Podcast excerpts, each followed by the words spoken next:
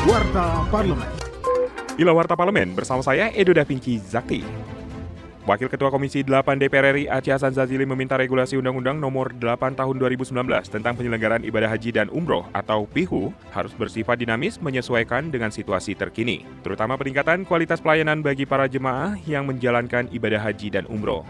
Politisi praksi Partai Golkar itu menyebut peningkatan pelayanan perlu dilakukan, mengingat pelayanan terhadap dua ibadah tersebut terus mengalami perubahan kebijakan yang cepat, baik berasal dari pemerintahan Arab Saudi maupun Indonesia. Warta Parlemen.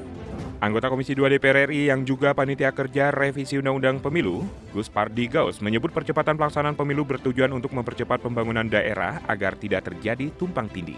Memang ada gagasan dari pihak pemerintah menyampaikan agar kita diskusikan, kita bicarakan upaya-upaya untuk melakukan percepatan terhadap pelaksanaan pilkada itu. Mudah-mudahan ini bisa terrealisasi dan pelantikannya dilakukan di awal Januari. Momen-momen pelantikan itu jadi sinergitasnya begitu juga dalam rangka mengejawantahkan perencanaan pembangunan bagi masing-masing kepala daerah terpilih, baik kabupaten kota, gubernur, begitu juga presiden tersebut. Sehingga pelaksanaan pembangunan tidak terjadi tumpang tindih. Kinerja Wakil Rakyat simak di media sosial TVR Parlemen.